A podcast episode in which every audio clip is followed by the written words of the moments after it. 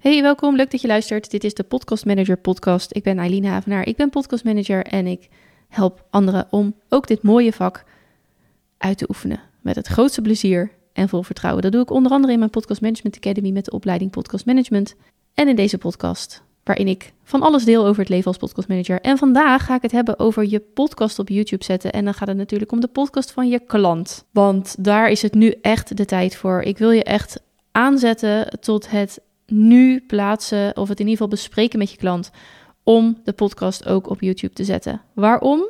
Omdat de YouTube Music app nu echt gaat werken voor podcasts. De YouTube app zelf is natuurlijk de welbekende video app. Maar YouTube heeft meerdere ja, sub-apps, waaronder de YouTube Music app, hun luister-app. Sinds een aantal maanden zijn ze die app klaar aan het maken om podcasts in te luisteren. En wat hier het onwijze toffe van is, is dat het een ontzettend toegankelijke manier is om mensen naar te verwijzen. De Apple-app is fantastisch, maar die, daar moet je een iPhone voor hebben, of een Apple-product, of een Apple Eats device. Spotify-app kennen de meesten, maar ja, is gewoon niet optimaal. Ik vind de Spotify-app niet prettig in gebruik voor het luisteren van podcasts. En ook de functionaliteiten zijn gewoon heel beperkt.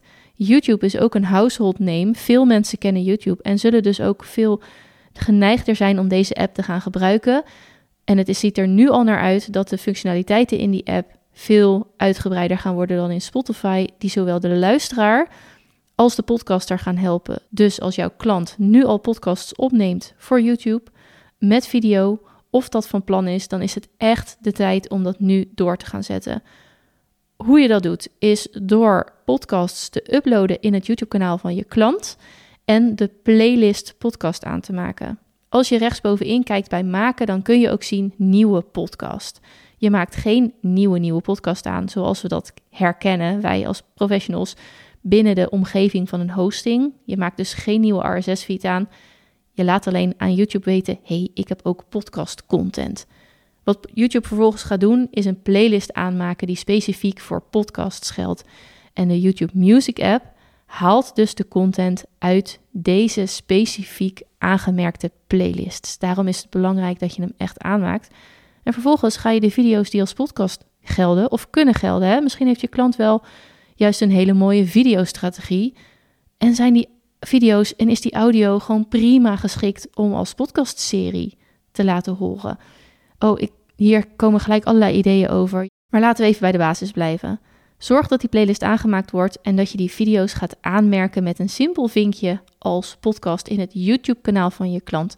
De YouTube Music app ziet dat dan als podcast en gaat ze ook zo behandelen. En wat daar zo fijn aan is, is dat je bijvoorbeeld als luisteraar kan schakelen tussen kijken en luisteren. Normaal gesproken in de YouTube Music app is dit een premium functie waar je voor moet betalen. Als het gaat om videoclips van muziek en het luisteren naar muziek, moet je hiervoor betalen. Voor podcasts is dit gratis.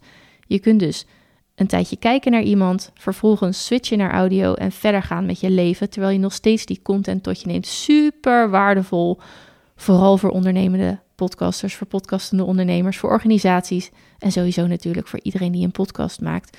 Om op meerdere plekken in het media dieet hè, van je klant, van je luisteraar bedoel ik, terecht te kunnen komen.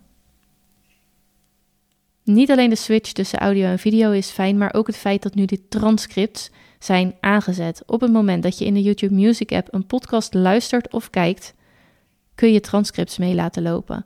Super fijn voor mensen die dat nodig hebben, die daar baat bij hebben. En dus ook een verbreding van het publiek, een verrijking van het publiek van de podcast van je klant. De app werkt, de playlist werkt, de transcript werkt, de switch tussen audio en video werkt. Er zijn nu al meer features dan in Spotify, zowel voor de podcaster als voor de luisteraar. En dit gaat alleen nog maar meer worden. Nu is het moment om met je klant serieus te gaan nadenken over de podcast op YouTube. Tot zover. Heb je er vragen over?